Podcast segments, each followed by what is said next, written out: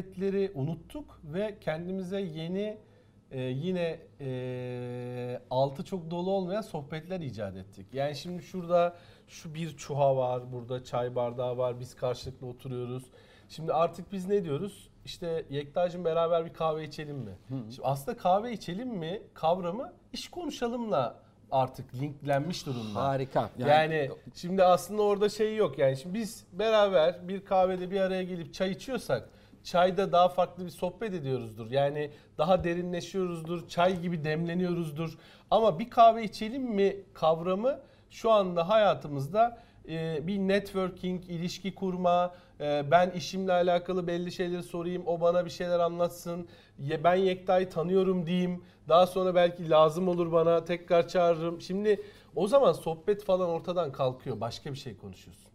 Ve bunun mezesi de kahve oluyor. Yani enstrümanında kahve oluyor.